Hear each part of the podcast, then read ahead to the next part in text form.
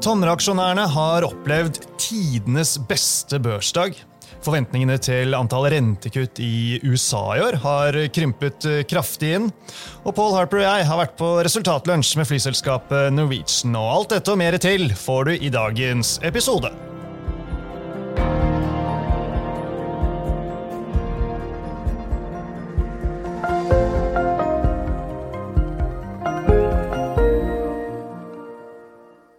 Velkommen til eh, Utbytte, DNB-podkasten der vi forklarer hva som skjer i den globale økonomien og finansmarkedene. Jeg er eh, Marius Brune Haugen, og med meg har jeg altså aksjestrateg Paul Harper. Hei, Paul. Hei, hei, Marius.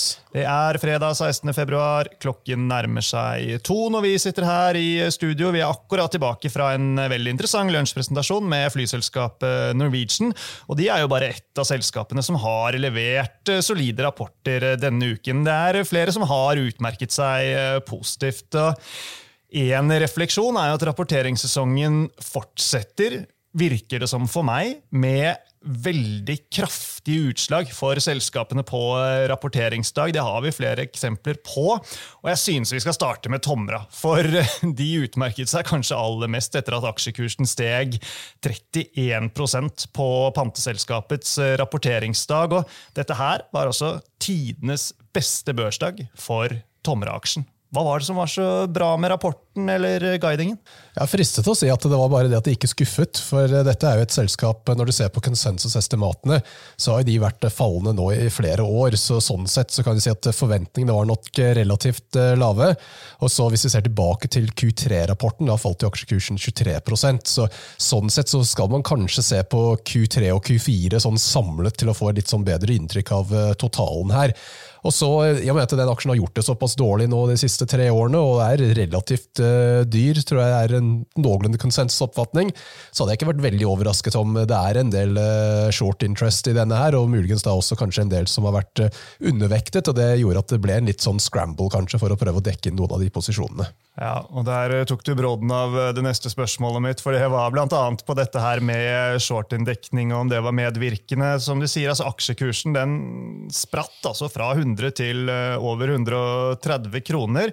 Men eh, analytikeren vår han har bestemt seg og gjentar eh, salgsanbefalingen og kursmålet på 75 kroner. Ser altså ikke mm, mange triggere på horisonten. Og som du var inne på, ja, når man ser ikke bare på dette kvartalet isolert sett, som de rapporterte på her, men ta med også de foregående, så, ja, så gir ikke bildet så mye mer grunn til optimisme, er eh, hans budskap. Ja, jeg synes jeg er egentlig ganske enig i det. for Hvis vi ser på hvordan estimatene har eh, blitt justert nå over de to siste kvartalene, så eh, ble estimatene kuttet med rundt 25 etter eh, Q3. så Det var altså noenlunde i tråd med aksjekursreaksjonen, så det virket egentlig fair på det tidspunktet. Nå tipper vi at konsensus kanskje opp 10 muligens litt mer, men 10% er en god del forskjell mellom 10% og 30% i forhold til kursreaksjonen. Så ser man på kursen over de, eh, den perioden, så er jo den litt høyere enn det var like før Q3-rapporten, mens inntjeningsestimater er jo fortsatt eh, en god del lavere. Så jeg syns eh, det å klare å forklare den bevegelsen sånn 100% fundamentalt, syns jeg er vanskelig. og Da tror jeg det er sånne type mer flow-baserte argumentasjonsresonnement, at det var en del si, tvangskjøp kan du si, i, denne situasjonen, virker da som en noenlunde plausibel forklaring, selv om vi ikke egentlig vet det helt sikkert. Mm. Ja da. Men Tomra har jo eh, tross alt, det, det må vi jo ta med, det er en aksje som har vært på Oslo Børs i mange år etter hvert. Jeg fant i hvert fall historikk i børsterminalen som jeg bruker, tilbake til 1992. Eh, eh, og vet du hva en aksje kostet eh, den gang, Pål? Nei, du får fortelle meg. Nei, Det var to kroner, da. Så fra der og til 130 i dag, så, så er det jo litt. Så dette her med å være langsiktig, altså finne de selskapene som holder ut på børsen, det har sin verdi. Men, men nok om det. altså Hvordan er prisingen av Tomra-aksjen nå? Altså, jeg synes den er fortsatt ganske utfordrende. Det handles på rundt sånn 31 ganger PE. og Det er ikke veldig mye på Oslo Børs eh, av sånn noenlunde si, modne selskap som handler på den typen multiple. og Bare for å gi litt kontekst på dette her, til å kunne forsvare sånn type prising, så tror jeg du må egentlig legge til grunn at du skal ha i hvert fall 10% pluss topplinjevekst, og en forholdsvis solid marginutvikling da, til å ha en sånn ganske stabil, forutsigbar inntjening. Så Det er enkelte selskap som absolutt kan forsvare den type multiple. og Hvis vi ser til USA, så nå nettopp før vi kom inn på sendingen her, hva slags multipler er det disse Magnificent Seven-aksjene handles på? og Det er jo globale selskap som eh, i stor grad er ikke så lett å se for seg at de kommer til å bli utkonkurrert eh, med det første. Men tommer da 31 ganger PE, så har det Nvidia på 34, Microsoft på 32, Amazon på 33. Det er liksom den type størrelsesorden. men kan man liksom virkelig si at Tomra skal eh, liksom være i samme gruppe som de Magnificent Seven? Jeg syns det liksom strekker det kanskje litt vel langt. Og det er heller ikke mangel på folk som mener at disse Magnificent Seven-aksjene har kanskje gått litt, eh, litt, vel mye. Så jeg syns det er utfordrende å klare å egentlig eh, regne hjem prisingen i, i Tomra. Nei, og Det er vel ikke sånn at det har kommet noen nyheter fra EU eller andre om at uh, de skal uh, trykke på startknappen for uh, storstilt innføring av pant, f.eks. Så ja, Om noe så virker det som at det er heller det at disse miljøkravene nå blir gradvis utvannet, hvis man skal prøve å liksom, fange opp de, de, store linjene her. Vi har jo sett det i Europa med disse bøndene som har drevet og protestert, at der endte det opp med en kompromiss, eller i hvert fall at de fikk delvis viljen sin her. Så kan vi si med mulig unntak av Equinor, som, eh, som trapper opp, eh, virker det som, på, på den fronten, så virker det sånn generelt at liksom retningen nå er at eh, mye sånne miljøkrav blir heller utvannet og dyttet litt ut i tid, og det tar litt lenger enn man hadde håpet. Vi ser til Skottland f.eks. at de pantesystemet der har blitt utsatt fire ganger. og Det er ikke sånn helt åpenbart at de skal klare å nå den type 15% topplinjeveksten som de guider på. Det er jo egentlig mye bedre enn det de har klart tidligere. og det er klart Etter hvert som tallene blir større, så er jo prosentandelen også noe vanskeligere å klare å, å nå. Så jeg, jeg syns egentlig det virker ganske optimistisk både på uh, inntjeningsestimatene når du ser litt, uh, litt, lenger frem i tid, men også prisingen på aksjen. Ja. Men vil du også ha en fun fact da, for uh, Tomra, Pål? Ja, Fire, fire, av de fem beste børsdagene for uh, Tomra-aksjen har kommet i februar. Det visste du ikke? Nei, men ja, det høres vel kanskje ut at de kanskje er gode på Q4-rapporter. At eh, vi kanskje gjette at de dagene er eh, akkurat de dagene hvor de har rapportert uh, årstall. Jeg tror ikke vi skal legge altfor mye i det, altså. men det virker som det er et eller annet med februar og reaksjoner på rapporteringsdagen. Ja, det kan se sånn ut. Vi kan ikke se til uh, renteforventningene akkurat for å forklare aksjebevegelsen i Tomra. I hvert fall ikke i det korte bildet, Pål. Men la oss gå videre til nettopp renter. For forventningene til antall rentekutt i USA i år, som vi har snakket om mange ganger, at markedet har forventet eh, mange rentekutt. Det har krympet eh, kraftig nå siden starten av eh, januar. Hvor mye? Ja, så Nå er forventningen til antall rentekutt i år kuttet fra 6,7 på, på, det meste sånn i tidlig januar, til nå 3,7. Så det har liksom justert ned med, med, tre hele rentekutt. Så det er en ganske stor forskjell det er snakk om nå. Og dette tror jeg sånn, Nå, nå syns jeg markedet egentlig sånn priser inn som ganske fornuftig anslag her. Det har Fed selv har indikert eh, tre kutt. Konsensus blant eh, økonomer i Bloomberg er fire kutt. Så at markedet priser inn et eller annet sted imellom dit, syns jeg virker eh, ganske ok. Så nå, nå, er vi mer der hvor du mener det er ja, fair, fair å være. Er det også sånn at nå er man mer der at rentekuttet, første rentekuttet det kommer ikke i eh, mai, det kommer i juni? Ja, det er det markedet priser, i hvert fall. Så eh, det var eh, sånn at For en stund tilbake så var markedet ganske overbevist at det første kuttet skulle komme i mars. og Så har det blitt dyttet ut til mai, og nå er det da juni før det fullt ut priser et rentekutt. Og det er klart, Jo, jo lenger ut i året du kommer før det første kuttet, jo, jo, færre anledninger er det for ytterligere kutt gjennom året også. Så det er klart at hopper man over de første to-tre møtene, så, så, gir jo det noe begrensning på hvor mange kutt du kan forvente i løpet på året. Ja, Får bare ta med da, skryte litt av makroteam og Knut uh, Magnussen, som er uh, USA-spesialisten. Han har jo sagt uh, juni han, ganske lenge og stått på det. og Så får vi se hva som blir enden på visa. Eh, hvis vi ser på lange amerikanske rentene, tenker da på tiåringen, så har jo den eh, steget videre. Vært oppe og snust eh, på 4,3% denne uken. Første gang vi ser et så høyt nivå for langrenten siden desember.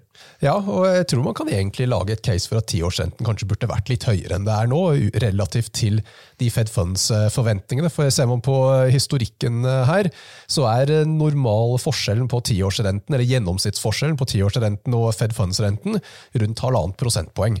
Så um, om noe så, så, mener jeg at det uh, heller liksom runder litt opp enn litt ned når det gjelder uh, tiårsrenten. Og som regel så er forskjellen enda litt mer enn halvannen prosentpoeng etter at man har hatt en periode med rentekutt. Så, sånn sett så syns jeg man kan egentlig si, heller si at ja, tiårsrenten har justert seg noe opp.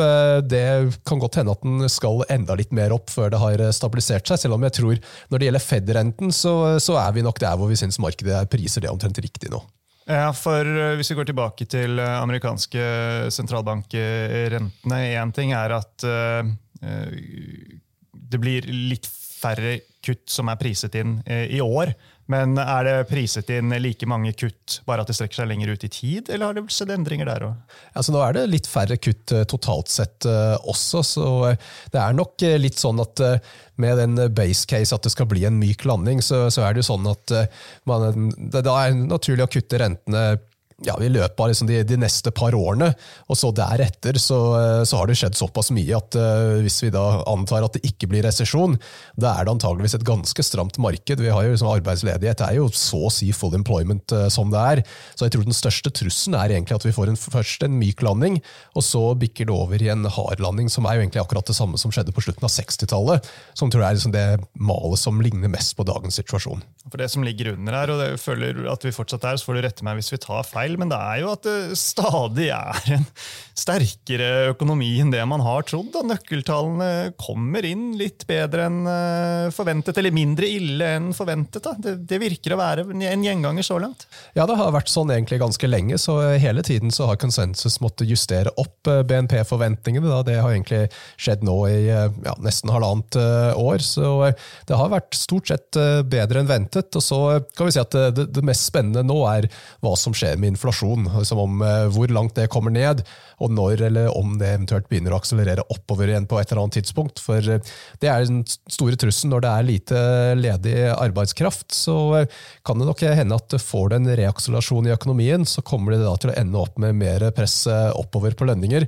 Og da er vi egentlig tilbake igjen til der vi var for en liten stund tilbake, at lønnsveksten da begynner å drive inflasjonen opp igjen, og Fed må da begynne å sette renten opp på nytt. Så Det er derfor egentlig litt sånn vanskelig å se for seg at eh, Fed kan liksom begynne å, eller fortsette å kutte rentene sånn eh, tre-fire år fremover. Det er nok eh, de kuttene som de får gjort før en eventuelt hard landing, er det de får gjort i løpet av neste 12-18 eller kanskje 24 måneder. Mm. Men lang historie kort, har aksjemarkedet respondert som du har forventet og at det bør gjøre på endringen i disse renteforventningene?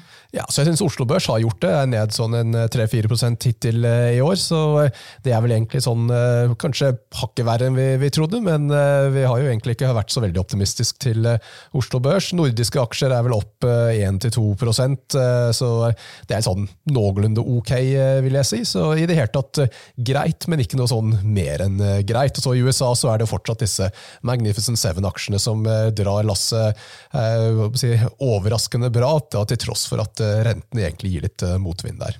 Mm. Skal vi gå over til uh, noe som er uh, veldig gøy. Det har vært en uh, god dag for aksjonærene i Norwegian. De la fram rapporten sin for fjerde kvartal i dag. og ja, Push-varslene som kom inn fra nettavisene i dag morges og plastret telefonen min, det var med overskrifter som 'Norwegian klinker til', tjente 208 millioner i det som historisk er et dårlig fjerde kvartal. Norwegian med driftsresultat på 2,2 milliarder kroner, høyeste i selskapets eh, historie. Norwegian venter at resultatet vil øke med mellom 10 og 40% i 2024. Og vent litt på, det er ikke ferdig. Eh, det var ett til. Norwegian vil be om lov til å dele ut 577 millioner kroner i utbytte. Sånn. Nå er jeg ferdig. Hva var det som var, eh, var alt bra? Ja, så, jeg, jeg, Førsteinntrykket her. Ja, altså det, det, klart det var bra, men øh, journalistene får jo gjerne ikke helt øh, med seg det med at det kom et positivt resultatvarsel for for noen uker tilbake, så de tallene var i stor grad kjent. Så, sånn sett så var ikke det egentlig den store overraskelsen. Det som, var, det som kursen reagerer på i dag, er guiding for 2024. Hvor de sier at de tror selskapet kan oppnå EBIT på mellom 2,5 milliard og 3,2, um, og konsensus da ligger på 2,56. Så konsensus da i nedre enden av rangen. Selskapet har i dag klart å levere egentlig bedre enn guiding nå en periode, så jeg ville gjette at konsensus kommer til å legge seg et eller annet sted i øvre halvdel av den rangen, som de har sagt. Mm. Ja da. Og eh, ja, aksjekursoppgangen i dag. Nå får vi jo se hvor, eh, hvordan det ender for eh, Norwegian, men, men, det ser altså ut som på en måte Den, den reflekterer det selskapet har sagt. Ja, jeg tror hvis konsensus da, si at i den rangen 2,5 til 3,2, da hvis konsensus jevnes ut sånn til rundt 2,9 eh, eller noe, noe, der omkring, så blir det sånn en prosentvis kursreaksjon noenlunde samme størrelsesorden. Så det virker sånn egentlig ganske fair, vil jeg si. Ja. med Markets har jo jevnlig eh, arrangerer de investorlunsjer og eh, møter for selskapene når de rapporterer. Vi hev oss rundt i dag vi og fikk med oss eh, Lunsjpresentasjonen til eh, Norwegian jeg synes det var veldig interessant. Hvis jeg skal prøve meg på noe takeaway herfra, så må det jo være at Eh, markedet virker jo veldig uh, sterkt. Det, det, virket ikke som det var noe bekymring for det. Uh, de hadde veldig fokus på kostnader og, og kapasitet. og også at de ser at videre transaksjonen ser, om noe, kanskje enda bedre ut enn det de trodde da de inngikk dette her i, i fjor sommer. Ja, jeg syns den uh, booking momentumen som de uh, rapporterer her, er utrolig imponerende. For uh, vi hører jo masse i nyhetene om at det er mange som sliter med regninger osv., men utrolig nok så virker det ikke sånn at gjennomsnittsnordmannen sliter så voldsomt mye her. For etterspørselen holder seg da overraskende sterk, syns jeg. Det kan jo egentlig trekke også den parallellen med Sats gjør det bra også, at det vil jo også være en sånn typisk greie som man tenker at ja, hvis du virkelig er i en pengeknipe, så er det typisk sånne type utgifter utgifter som er relativt lett å kutte, fremfor eh, å begynne å kutte på matbudsjett og, og, sånne type ting. Så Det virker som uh, jevne nordmann klarer seg egentlig overraskende bra, selv om uh, det åpenbart er jo enkelte som, som har det litt tøft. Men vi ser ikke noe tegn til dette egentlig i verken tallene til Norwegian eller Sats om dagen. Nei, Det er jo en gjenganger uansett om vi ser her hjemme eller om vi ser til USA, som vi snakket om i sted, eller hvor det er. Forbrukerne virker inntil videre altså, å holde stand. Ja, det ser jo sånn ut. Noe av det i USA i hvert fall har vært denne bufferen som de bygde opp eh, under covid. Nå er jo mye av det brukt opp, og i Norge så har man kanskje brukt opp eh, det meste av det. Men eh, på den andre siden så er det i hvert fall mange som uh, tror at de kommer til å få reallønnsvekst uh, i år. og Det er vel det som er kanskje base case. og Sånn sett så uh, har man kanskje klart seg gjennom mye av det verste. og Så blir det jo gjerne sånn at utover året så kan vi vel anta at strømpriser sesongmessig i hvert fall er noe lavere. Så da er det litt lavere strømregninger og sånne type ting. Så nå, klarer man seg gjennom de neste, neste par månedene, så ser det egentlig ikke så gærent ut, syns jeg. Nei. Og Når det gjelder eh, Norwegian, da, eh, selvfølgelig er eh, kostnadssiden noe de må fokusere på hele tiden. Men det, det, blir jo spennende å følge, og det må man jo følge med også som investor. Hva skjer der i forhold til lønnspress? Hvordan klarer de å levere på punktlighet? og alle disse tingene. Et av stedene hvor eh, Norwegian eh, håper og tror og skal vokse, er jo også innen bedriftsmarkedet. Så også det er jo ting man bør eh, holde et øye på fremover. Jeg synes de egentlig alle alle de forskjellige tingene som de snakket om her, at det virker som de har fokus på alle de riktige tingene. Sørge for at kundene får den beste opplevelsen, og sørge for punktlighet, at bagasjen kommer frem, og at det er eh, lett å få tak i selskapet hvis et eller annet eh, går gærent. Liksom alle de typiske tingene som eh, sånne lavpris-flyselskap har fått mye klager på tidligere, virker som de gjør en, en veldig god jobb på å sørge for at her skal det ikke være noe dårligere enn en SAS. Jeg syns de gjør, gjør en veldig bra jobb her. Ja da. Så får vi jo bare ta med at uh, Norwegian-analytikeren vår Ole Martin eh, Westgård han er det, eller i hvert fall en av de, som kjenner eh, caset eh, utrolig godt. og Vi får vente på hans oppdaterte rapport, som helt sikkert blir å finne ganske snart. Blant annet da, i aksjehandelsplattformen til DNB. Når det gjelder utbytte og Norwegian, så er jo det også interessant. da, Paul, og Så får vi jo se om det blir utbytte eller ikke. De foreslår det i hvert fall.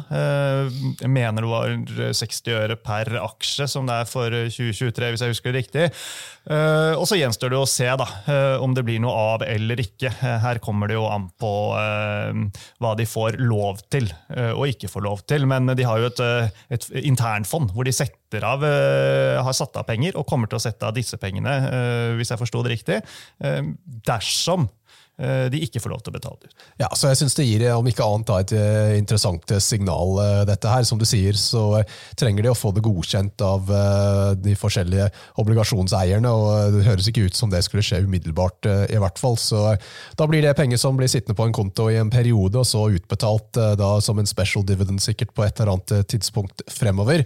Men 60 øre det blir jo en direkteavkastning på rundt 3,5% så det er absolutt helt respektabelt. Det og det fra et selskap hvor det har ganske sterk inntjeningsvekst. Så det er all grunn til å tro at det utbyttet også kan økes eh, over tid. Så, så Sånn sett så eh, kan man egentlig begynne å, se på dette her også som en utbytteaksje, i tillegg til at den egentlig tikker eh, de riktige boksene på vekst, og til en viss grad prising også. Så, sånn sett så er det jo en av de aksjene som scorer veldig bra på ganske mange forskjellige parametere nå. Mm. Vi får la Norwegian eh, ligge for nå og gå eh, videre. Vi har eh, flere selskaper. Det er jo mange selskaper som har rapportert også denne uken. Vi skal innom noen av de, dog ikke i like mye detalj som de vi har snakket om hittil i episoden. Jeg har møtt både Sats og Elopak tidligere denne uken. Sats håper jeg flere av dere har hørt på allerede. Hvis ikke så vil jeg bare oppfordre til til eh, det. Eh, Elopak er eh, tilgjengelig for de som ønsker å sette seg inn i det caset i aksjehandelsløsningen i nettbanken til DNB. Hadde CEO-en i selskapet på besøk her torsdag denne uken, så bare også oppfordre til den. Movi og SalMar er to av selskapene som har vært i ilden når det gjelder sjømat, Pål. Og har rapportene vært positive? Ja, jeg synes SalMar leverte egentlig eh, veldig bra. Det har jo hatt en del utfordringer bl.a. med maneter, og det gjør at de guider litt svakt for 2024.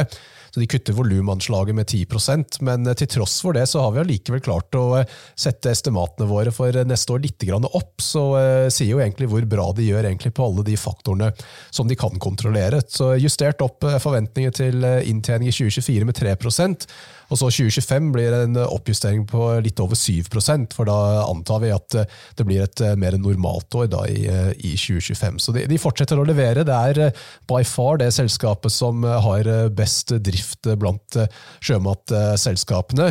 Du kan jo si det er priset deretter også, da, sånn 19 ganger PE på vårt kursmål. Det er ikke direkte billig for 2024, men det kommer jo da ned til 15 ganger PE på, på 2025, når vi da får litt mer sånn normalt år inntjeningsmessig. Men du får da direkteavkastning på 5,7% Det er ikke så, eh, så, gærent, eh, det heller. Så det er eh, kombinasjonen med at de drifter bra, de har forholdsvis lave kostnader. Og vi ser jo også da at grunnrenteskattkostnaden kanskje blir litt lavere enn det vi hadde trodd til å begynne med. Mm. Nå ser det ut som at det kanskje blir sånn størrelsesorden 800 millioner kroner, mens vi hadde 1,3 milliarder i, i vårt estimat der har de også vært flinke til å, å, å, sørge for at de begrenser eh, utgiftene på det også. Ja, og Movi, der uh, gjentar vi uh, kjøpsanbefaling, og kursmålet det er 235 kroner. Hydro får vi også ta med, Pål. Uh, de har vært i ilden denne uken. Der gjentar vi salgsanbefalingen. Har tatt ned kursmålet fra 55 til 50 kroner.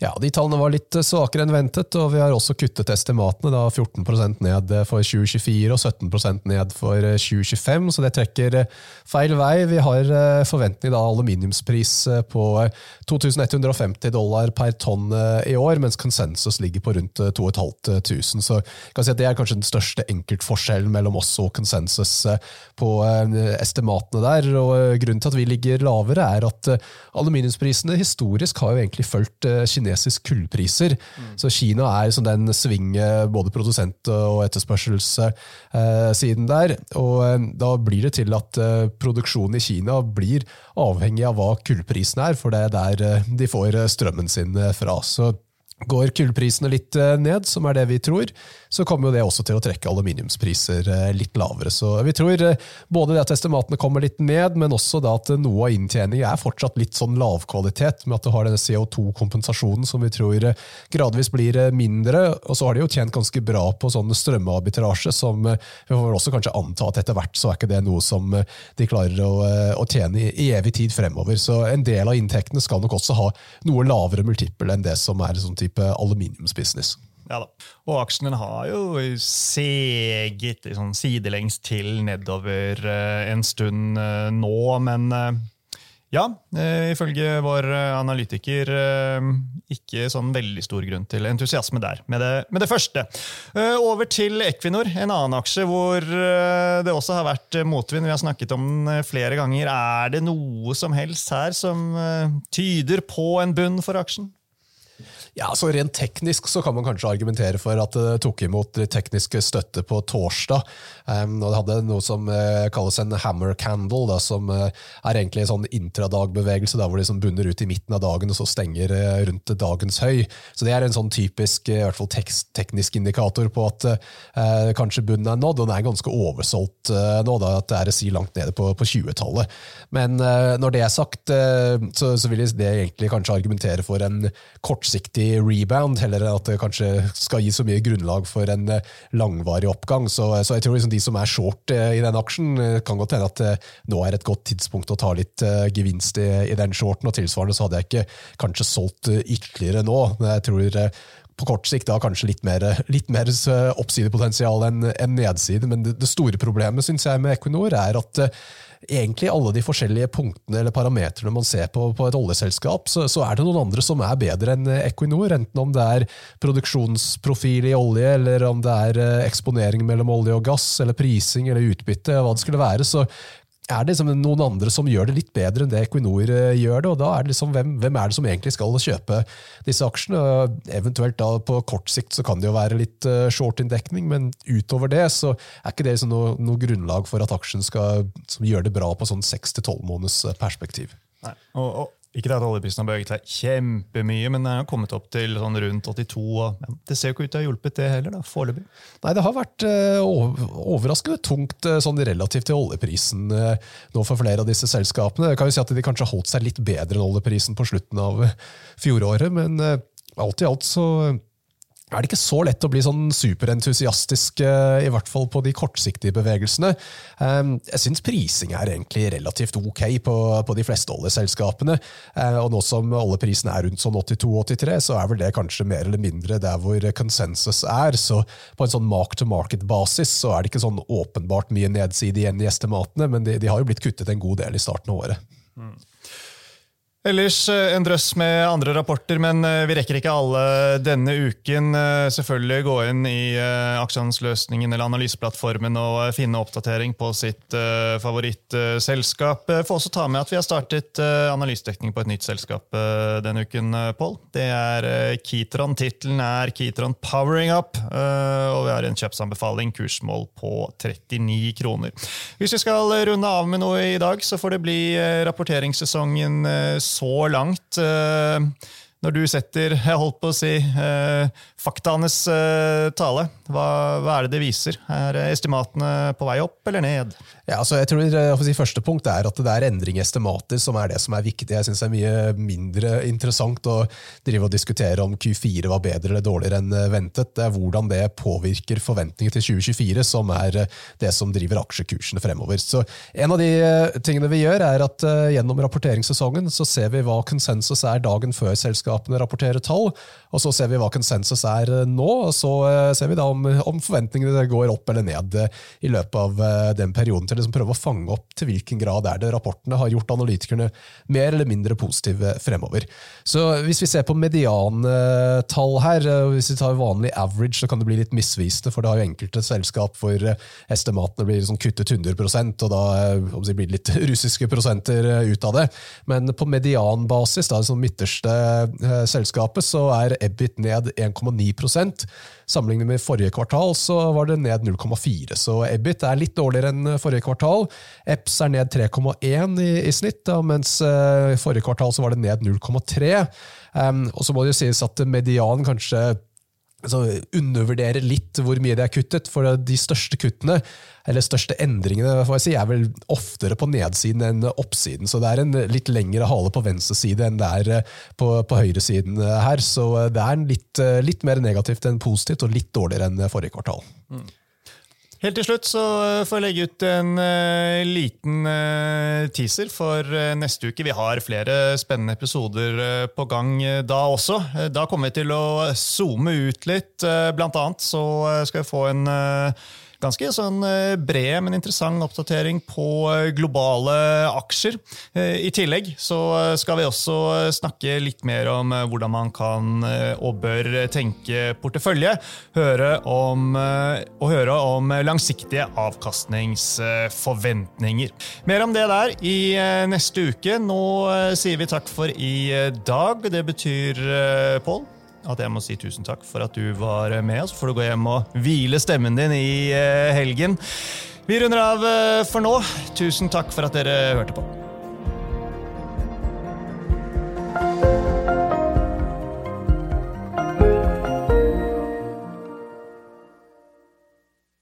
Denne sendingen ble publisert i podkasten Utbytte. Innholdet i sendingen er å anse som markedsføringsmateriale fra DNB og er ment å være generell spareveiledning. Sendingen skal ikke oppfattes som et tilbud om å kjøpe eller selge finansielle instrumenter, eller som investeringsrådgivning tilpasset den enkelte investors situasjon. En investor som har behov for råd eller har spørsmål om informasjon som gis, bør kontakte en finansrådgiver. DNB påtar seg ikke noe ansvar verken for direkte eller indirekte tap som følge av innholdet i sendingen legges til grunn for eventuelle investeringsbeslutninger. Husk at historisk avkastning aldri er noen garanti for fremtidig avkastning. Avkastningen kan bli negativ som følge av kurstap. Bruk av prognoser for å beregne fremtidig avkastning er heller ingen garanti for fremtidig avkastning. Innholdet i sendingen bygger på informasjon fra offentlig tilgjengelige kilder som DNB ser på som pålitelige, men som ikke er uavhengig verifisert. Følgelig gir DNB ingen garanti i forhold til nøyaktighet og fullstendighet. Alle uttalelser her reflekterer DNBs, den enkelte ansatte, eller andre tredjeparts vurderinger på tidspunktet for den aktuelle sendingen, og kan i ettertid endres uten nærmere beskjed. Ytterligere informasjon om bl.a. kildebruk og interessekonflikter er tilgjengelig på dnb.no skråstrek invest disclaimer.